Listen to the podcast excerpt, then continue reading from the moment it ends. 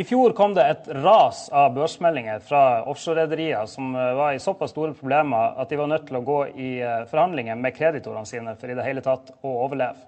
Så langt i år har det vært eh, ganske stille, men i dag kom Kristiansand-rederiet Siem Offshore med melding om at de er nødt til å gå i samtaler med de som har lånt de til sammen 11 milliarder kroner.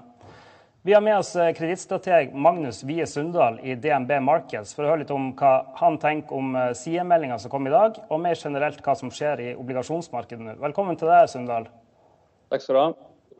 Du, Siem først. Hva betyr egentlig den meldinga som kom i dag? Ja, eh, jeg skal si bare sånn en liten disclaimer. Jeg dekker ikke Siem som selskap, men jeg har sett på meldingen og jeg har sett på eh, lånet og gjelden her. Eh, det det går ut på, er at de får Eh, de har bedt banker om å gi litt eh, lette på avdragsprofil og gjøre enkelte andre endringer på lånet. I tillegg så ber de obligasjonseierne av til sammen 1,3 milliarder kroner i obligasjonslån eh, om å konvertere dette til et konvertibelt obligasjonslån. Hva vil det si? Det vil si at dette var lån som opprinnelig skulle forfalle i 2018 og 2019. Tidligere i mars så ble de flyttet eh, forfallsdato til 2020 og 2021. Nå ber de om at de skal konverteres til dette nye lånet, som gjør at kreditorene i fremtiden kan velge å gjøre om lånet til aksjer i selskapet. Eh, og da på kurs tre kroner eh, per aksje. I dag så handler jo aksjen til, til 2 kroner og 15 øre. Og I tillegg så vil jo dette lånet òg få en løpetid på fem og et halvt år, sånn at du skyver ytterligere på løpetiden. Eh, hvem er, også, en, eh, hvem er det en bra deal for? Eh, det som er fordelen for, for obligasjonseierne ved, ved, en konvertibel obligasjon, er jo at gitt den situasjonen en er i, så får en eventuelt ta del i oppsida hvis det kommer. Det som er ulempen for, for kreditorene, det er jo at eh, selskapet òg ber de om å ta en haircut på 20 Altså at du, at du i dag reduserer beløpet eh, med 20% det du har lånt til selskapet. Så, så de har... Altså, når, du, unnskyld, når du, ser på hvordan uh, den obligasjonen har blitt handla i annenhåndsmarkedet, så har den vært handla helt ned på 50-tallet. Altså, man har på en måte vært villig til å selge obligasjonsgjelda si for halvparten av det som man har lånt ut i utgangspunktet. Sånn I det perspektivet så virker det som en ganske OK deal. Ja, selvfølgelig Hvis du har kjøpt, eh, kjøpt, det på en lav kurs, da kan det jo være en, være en OK deal. Har du kjøpt det til parikurs for et par år siden, så er jo det ikke så gøy å ta et tap på, på 20 Selv om jeg tror mange av obligasjonseierne har innfunnet seg med at dette er en sektor der du, eh, gitt den nedgangen en har hatt, ikke får tilbake absolutt alle pengene dine i obligasjonsmarkedet. da så er det jo eh, det er obligasjonseiermøter som er nødt til å ta stilling til dette. Der er det, Du må ha to tredjedels flertall for å få gjennom en sånn eh, løsning. Tror du det her kommer til å bli smertefritt? Eh, ja, du har rett i det. Ehm, det tør jeg ikke å si, altså. Jeg har ikke snakka med kreditorer som, som, eier dette her, og jeg vet ikke helt hvor de står. Så det, det har jeg dessverre ikke noe svar på. Da blir det spennende å se. Når det gjelder eh, hva de har tenkt å gjøre med bankgjelda, så var du inne på det. De vil altså forskyve på, eh, på avdragene, men vi vet ikke så mye detaljer om hva de egentlig tenker der. Nei, det vet vi ikke. Men, det, men det er helt vanlig at når bankene skal gi litt på avdragsprofil etc., så må krevende at òg obligasjonsgjelden òg gjør, gjør enkelte endringer. Og Det har vi sett i alle, alle restruktureringscasene i oljeservice de siste par årene. Du, La oss snakke litt mer om eh, obligasjonsmarkedet for oljeservice. Du har med en oversikt som viser total obligasjonsgjeld utstedt i det nordiske markedet er det vel de siste jeg vet ikke hvor mange år? Ja. Eh, nei, vi har jo sett historisk Vi følger dette markedet fortløpende. Eh, og vi har jo sett siden rundt årtusenskiftet så har det jo vokst seg fram et uh, temmelig stort marked. Eh, frem mot eh, finanskrisen var det jo en veldig vekst, og så dabba det litt av. Og så har det vokst seg eh, stort igjen deretter. Den forrige rekorden vi hadde på emisjonsnivå var i 2014. Da ble det gjort 102,6 milliarder i, i high yield-markedet i Norden. Og det var i stor grad drevet av oljeservice. Så, så falt jo nivåene veldig når oljeprisen falt. Det var veldig få selskaper som henta gjeld i, i markedet en periode. Eh, og nå er det tilbake på fullt. Eh, så nå ser vi at vi allerede har slått rekorden. Nå ligger vi på en rundt 160-107 milliarder kroner hittil i år i dette markedet. her. Så, så det har virkelig vært store volumer. Ta et lite steg tilbake. Altså, når, når, du skal låne penger som eh, reder eller hva som helst, så har du sånn hovedsakelig to måter å gjøre det på. Eh, du kan gå til banken og låne de pengene, eller du kan gå til obligasjonsmarkedet, som du da eh, sitter tett på. Og det du gjør da, Hvis ja. du går til obligasjonsmarkedet, så sier du at jeg har lyst til å gjøre så og så, trenger så og så mye penger til det, det vil jeg låne så og så lenge. Og så finnes det da aktører der ute, alt fra pensjonsfond til private investorer som er villige til å da låne ut disse pengene eh, i en gitt periode og få rente mens det på en måte løper. Og på slutten av den perioden, hvis alt går som det skal, så får de disse pengene tilbake. Ja, det stemmer. Så har vi jo absolutt så er det jo veldig, veldig mange forskjellige egenskaper ved disse lånene. Du har forskjellige typer sikkerhet. Du har forskjellige typer klausuler du må, må holde deg innenfor som låntaker. Så det, det er noe som Eh, som kan være forskjellig fra lån til lån og selskap til selskap. Eh, det vi så før 2014, var at veldig mange norske oljeserviceselskaper hentet usikrede lån.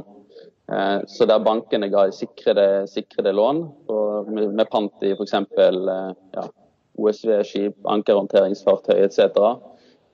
Så, så viste obligasjonsgjelden med på en måte usikret kreditt som egentlig i mange tilfeller var en erstatning for egenkapital.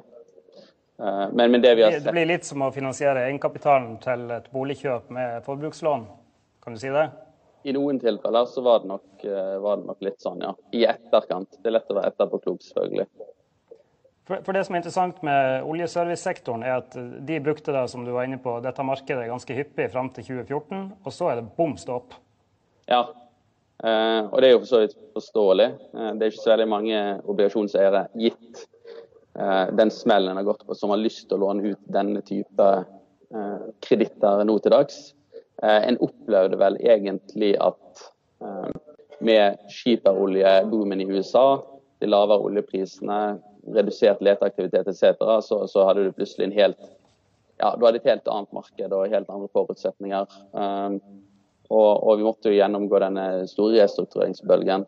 Og under de, si, i det miljøet og den, den, verden vi lever i i dag, så, så, passer det ikke å låne ut samme type beløp på samme usikrede basis. da. Eh, og da, da stopper det helt opp. Vi har hatt ett eh, oljeservicelån på usikret basis av den typen i år. Eh, og Det har vært i Doff eh, Subsea, som gjorde 175 dollar i, i vår. Eh, ellers så har det vært vært veldig få av de aktørene som hadde tilgang til markedet før, som, som fremdeles har gått i markedet her. da. Men det betyr ikke at uh, man ikke må betale tilbake de lånene som allerede eksisterer. Og Den neste oversikten du har med deg, den viser den såkalte forfallsprofilen, som viser altså, hvor mye innenfor hver sektor er det som skal betales tilbake de mm. neste årene. Hva er det vi ser her? Ja, eh, Forfallsprofilen viser jo, som sagt, som du sa, eh, hva er det som forfaller, hva er det som må betales tilbake. Nå er det sjelden sånn at disse selskapene betaler tilbake lånet med, med cash. Eh, det som de vanligvis gjør, er at seks til tolv måneder før forfall så går en ut i markedet, eller en går til en bank, eh, får et nytt lån og bruker det til å betale ned det gamle. Eh, og på sikt så klarer en nok forhåpentligvis å, å redusere litt, litt av gjelden men en har en, si, en løpende gjelds, gjeldsbelastning likevel. Eh, det som forfallsprofilen viser på oljeservice de neste årene, det er jo en, en vegg i 2018 og 2019. Eh, og det er jo et bilde som er en sannhet med veldig store modifikasjoner. For dette er krav som ligger der, men det er krav som i stor grad eh, nesten totalt allerede har, har blitt misligholdt. Kan ikke vi eh, se det... på, du, du, har en oversikt som, som, viser de forskjellige selskapene. Hvis vi ser på den, uh, får den opp her. Uh, hva er det vi ser der? Forklar oss. Uh, her ja. står en hel rekke selskapsnavn og mye gul farge. Absolutt. Det vi, det vi har listet opp her, det er oljeservice og shippinglån som forfaller i 2018 og 2019. Shipping det er jo en sektor som i obligasjonsmarkedet har gått veldig bra. Eh, kan på ingen måte sammenlignes med oljeservice, utover at det, er finansiert stål på mange måter. Eh, og det er shippinglånet som er, er farget gult her. Eh, så disse forfallene som kommer til neste år, ser vi at de fem største forfallene i 2018 de er allerede i, i mislighold. Det er lån som, som er ja, under restrukturering eller har, har, vært restrukturert på en eller annen måte. F.eks. Seadrill og North Atlantic Drilling, som, som, nå er i chapter 11 i USA. Så har vi noen shippingkreditter. Shipping vi har et, et lån fra Doff Subsea opprinnelig på 1,3 milliarder kroner. Eh, så har de kjøpt tilbake en 790 i forbindelse med det nye lånet de utstedte i vår. Eh, så der har de en, eh, ja, rundt 500 millioner igjen. Tiki Offshore Partners har callet sitt lån, og så er det mye annet, mye annet i 2018 som, som allerede er misligholdt. Så, så det, det, at det kom en vegg med forfall i 2018, det er, liksom ikke, det er ikke noe som kommer til å gi mer frykt i markedet. Det kommer ikke til å komme som en overraskelse på noen. Um, så, så, det er ikke noe som, som, jeg tror markedet kommer til å bry seg altfor mye om. Og Det samme er egentlig litt av tonen i 2019, uh, der vi ser f.eks. Oronegro, det det største lånet som er gjort i, i norske high yield-marked noensinne. Det er jo i mislighold, og der er det jo en rettsprosess for øyeblikket. Eh, så har vi et par andre lån, Genell, Bluewater, som, eh, som vi antar kommer til å bli refinansiert på et eller annet tidspunkt. Eh, forhåpentligvis uten, uten noe mislighold. Igjen, vi har Seadrill og en del andre oljeservicekreditter. I 2019 så er vel Fred Olsen Energy som et av de lånene som, som det fremdeles er litt mer usikkerhet rundt, da, og som det er litt spenning knytta til. Men ellers så er det, er det ikke noen sånne Eh, det, det, at det kommer en vegg med, med forfall her, det er ikke noe som jeg tror kommer til å skremme markedet i, i nevneverdig grad. altså. Men, men, det du sa i stad, var at tidligere så har man, eh, altså når disse forfallsdatoene nærmer seg, så har man refinansiert gjeld med ny gjeld i mm. obligasjonsmarkedet. Ja. Da tenker jeg sånn, det, det, må jo gå på en smell på et tidspunkt? Eh, det er jo det som er faren, selvfølgelig som et selskap at hvis du har et lån skal betales tilbake og du ikke får låne nye penger, eh, så ja, da har, du, da har du et problem, da. Eh, og det er da du eventuelt må re restrukturere.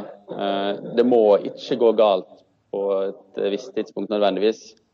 Selskaper pleier jo som sagt å gå ut i markedet gjerne 6-12 måneder før. For hvis markedet er litt risikoaverst og ikke har lyst til å ta på, ta på seg nye lån, eller gi nye lån til selskapet. Så varer det kanskje to-tre måneder, og så er markedet litt tilbake igjen. Så, så, du kan si at en bank er litt mer pålitelig med tanke på å få refinansiert et lån. Eh, et obligasjonsmarked er litt mer sånn av og på. Eh, men hvis du, hvis du er ute i god tid, og gjerne du har flere lån som forfaller på forskjellige tidspunkter, så klarer de fleste selskaper å håndtere det helt fint. Selvfølgelig hvis du har en businessmodell som som sliter. Du er i en sektor som er dårlig stilt. Eh, som var tilfellet med, med, oljeservice nå i 2014 og 2015 og 2016. Eh, så er det vanskeligere, for da vil jo ikke investoren nødvendigvis ha tillit til forretningen din lenger. Eh, og da vil de jo ikke gi deg et nytt lån som kan brukes til å betale tilbake det gamle. Og det er jo da du får disse misligholdene som, som vi har sett de siste par årene. Men uh, si f.eks. et selskap som det nyfusjonerte Solstad Farstad. Jeg vet ikke, Når er det deres neste obligasjonslån forfaller?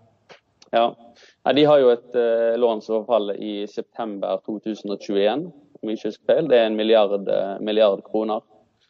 Uh, så det er jo et av, det er et av de selskapene som har vært gjennom en restrukturering allerede, men som fremdeles knytter seg spenning til hvordan de skal håndtere, håndtere den gjelden. Um, og, det, og, det, er litt sånn Det er et case som det er veldig vanskelig egentlig å si noe om. Fordi at uh, det er lenge til dette skal refinansieres. 2021, det er fire år til. Så hvis du tenker fire år tilbake, mye har skjedd de siste fire årene, og mye kan skje de neste fire årene. Uh, igjen, ikke, Vi har dekning på selskapet, jeg er ikke analytiker, men, men det som analytikeren vår på selskapet sier, uh, det er jo det at på det, på det tidspunktet når det lånet forfaller, så kommer selskapet fremdeles til å ha temmelig mye bankgjeld. Eh, et kvartal før eh, så forfaller 7 milliarder i bankgjeld. Eh, og når bankene skal ta stilling til om de skal gi nye lån til et selskap, så ser de jo på det helhetlige bildet. Å gi et nytt lån til et selskap hvis bransjen fremdeles sliter mye, det vil være vanskelig å gjøre det uten å ta med obligasjonslånet i en eller annen prosess. Så det som virker mest sannsynlig fra dagens perspektiv, er jo at en får en liten prosess kanskje et halvt til ett år før dette forfallet, der en ser på, på hele kapitalstrukturen og vurderer å, å restrukturere det obligasjonslånet. Dette selskapet har vel ca. 28 milliarder i gjeld per i dag. Mm. Hvordan tror du en sånn restrukturering kan se ut? Det er igjen fryktelig vanskelig å si. En restrukturering i norsk sammenheng Eh, det er jo en frivillig restrukturering der de forskjellige partene eh, ser på hvilke muligheter som finnes, og hvordan en skal løse dette her på en måte som alle kommer bedre ut av enn en konkurs. Og Det er et maktforhold, det er en maktbalanse her. Og Det de forskjellige kreditorene vet, er at for det første, hvis de ikke får tilbake pengene sine som avtalt, så kan de kjøre et selskap til konkurs. På den andre siden så vet alle kreditorene at hvis noen kjører et selskap i konkurs, så eh, får alle mindre enn om selskapet eh, lever videre vanligvis. Eh, så, det, med det i bakhodet så vil jo de forskjellige partene prøve å være konstruktive. da. Det vi har sett tidligere, er jo at f.eks. gjeld har blitt konvertert til egenkapital. I det norske, ja, I det norske obligasjonsmarkedet så har jo bankene konvertert lite gjeld til egenkapital.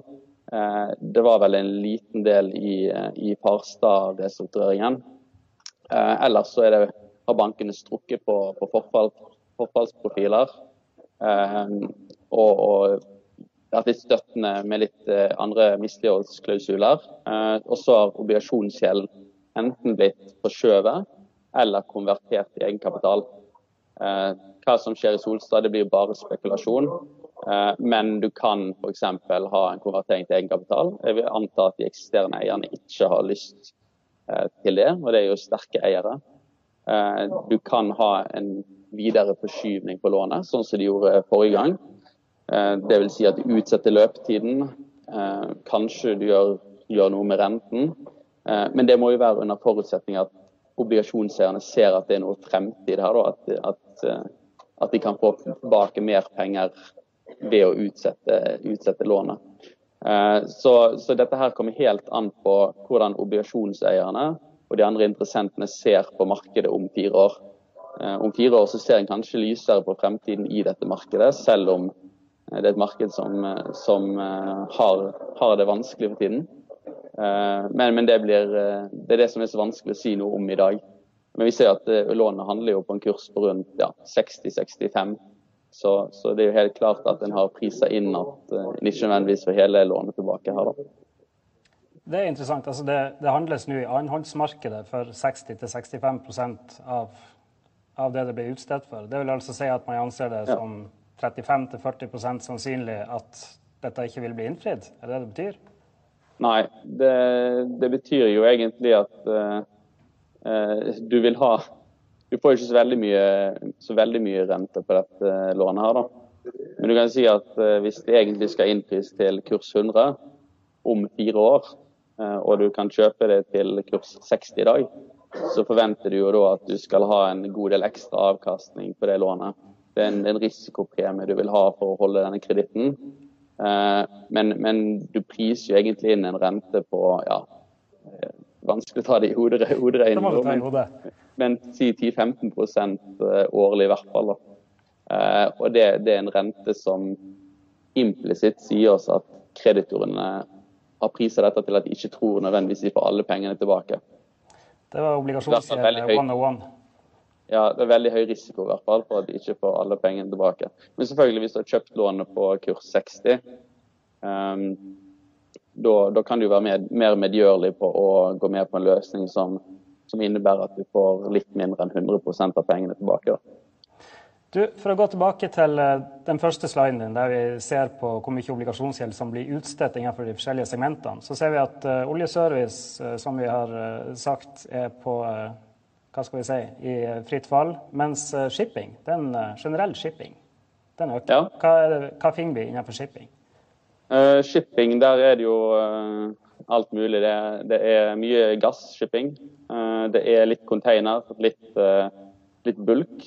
Eh, jernmalm, kull etc. Så har de noen sånn ship-leasing-selskaper.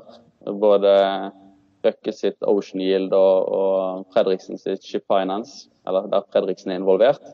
Eh, så du har ganske mange forskjellige utstedere. Eh, det er et marked som har vokst veldig mye. Eh, vi har hatt en rundt 18 milliarder norske kroner utstedt. 18-19 milliarder hittil i år.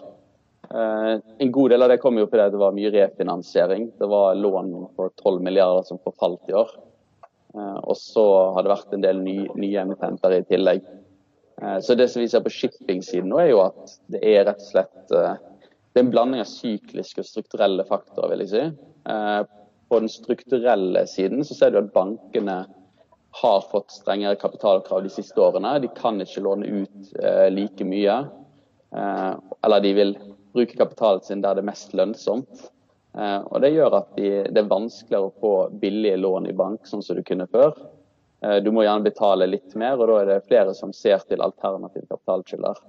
Eh, og blant annet så ser vi på obligasjonsmarkedet at eh, der er det òg noen sykliske faktorer. For mens dette har skjedd med bank, så har vi har hatt en pengepolitikk globalt som har gjort at obligasjonsrentene har, har falt mye. Dette handler jo om at sentralbankene vil ha fart på økonomien og satt rentene ned til null eller negativt. De har kjøpt massevis av statsobligasjoner for å skyve andre investorer over i mer risikable eh, obligasjoner. Eh, og Det bidrar til at det blir veldig gunstig å låne i obligasjonsmarkedet. Så du kan si differansen, Kostnadsdifferansen mellom disse to markedene den har blitt, eh, blitt redusert. Så Da ser flere til, eh, til obligasjonsmarkedet på å finansiere, eh, ja, på å finansiere skip og, og gjerne vekst innenfor shipping. Da. Du har med deg en oversikt som, som, viser dette. Vi ser at, uh, unnskyld, at uh, bankgjelda, som, uh, altså utlån fra bank til rederier, faller, mens de altså da i økende grad som du viser, går til obligasjonsmarkedet. Ser vi, er det et skifte her? Altså, vil vi se i framtida at flere rederier vil hente finansiering til hva det nå er, om de vil kjøpe en båt eller bygge en båt, i obligasjonsmarkedet framfor å gå til bankforbindelsene sine? Jeg tror nok eh, de kommer til å bruke både og, egentlig. Eh, jeg vet jo at eh, som sagt, bankene de står jo i det litt vanskelige valget at de har gamle og lange relasjoner som de har lyst til å ivareta, samtidig som myndighetene nesten tvinger en bank til å, å bruke kapital mer, litt mer effektivt gjennom, implisitt gjennom de, de kravene den blir pålagt. Så jeg tror nok at bankene kommer til å strekke seg en del for enkelte kunder, men nye kunder de vil ikke kunne få like, eh, like gunstig finansiering. Eh, og så er det nok også sånn at eh, eksisterende kunder vil se litt mer på å mikse og matche finansieringen sin med både obligasjoner og bank. For Det som vi ser, som du spurte om trendmessig, er at det er en lang trend dette her. Det har skjedd over flere år. Det er ikke bare noe som har skjedd i år. Og det er ikke noe som vi tror kommer til å reversere med det første.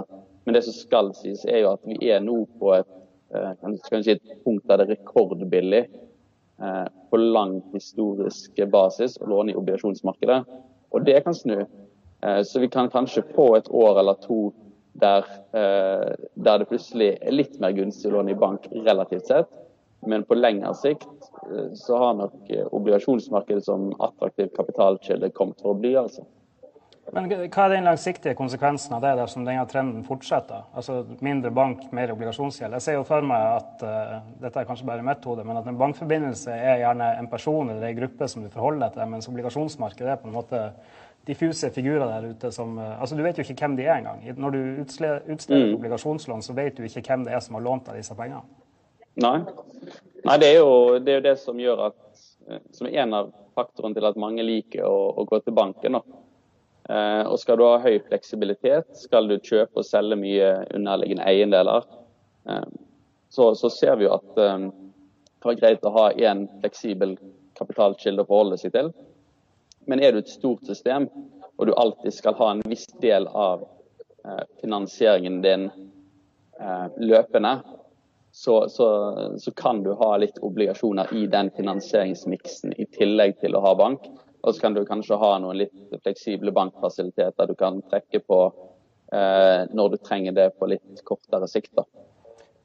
Kort eh, til slutt tilbake til oljeservice. Når tror du vi eh, ser at oljeservice-rederiene kan gå i obligasjonsmarkedet og hente penger igjen?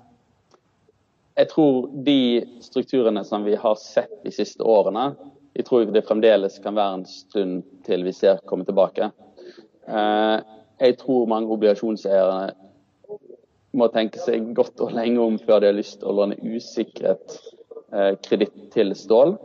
Eh, derimot, det som, vi, det som jeg tror vi kan komme til å se, det er jo sikrede kreditter der en har kjøpt opp eiendeler på, til, til, lave verdier. Og Det er noe av den shippingfinansieringen vi har sett i år. Det er jo knytta til oppkjøp av skip der shipping, eh, mange segmenter har vært på, en, eh, på et lavt sted i syklusen. Eh, du kan kjøpe et skip til en relativt billig penge, og så kan du få lån si på halvparten eller 60% av skipet sin verdi med pant i skipet. Og da får obligasjonseierne, altså investorene, kreditorene, får komfort på at eh, nå har de dekning på lånet sitt, selv om skipsverdien skulle falle litt til fra rekordlave verdier. Eh, og Det er jo strukturer som vi kanskje kan komme til å se eh, inn på oljeservice òg. Der har det jo noen selskaper, sånn type borddrilling eh, f.eks., som har vært, vært egenkapitalfinansiert oppkjøp av, av eiendeler på lave priser. Hvis den slags selskaper begynner å bygge seg litt kontraktsbacklog, og etter hvert får litt kontantstrøm inn på de eiendelene, sånn at eh, kreditorer ser at her kommer det penger inn til å eventuelt betjene lån. Da tror jeg den slags selskaper kan, kan komme til å gå i obligasjonsmarkedet òg etter hvert. Eh, det vi derimot eh, ikke tror, er at det skal være en enormt sterk volumdriver på kort sikt.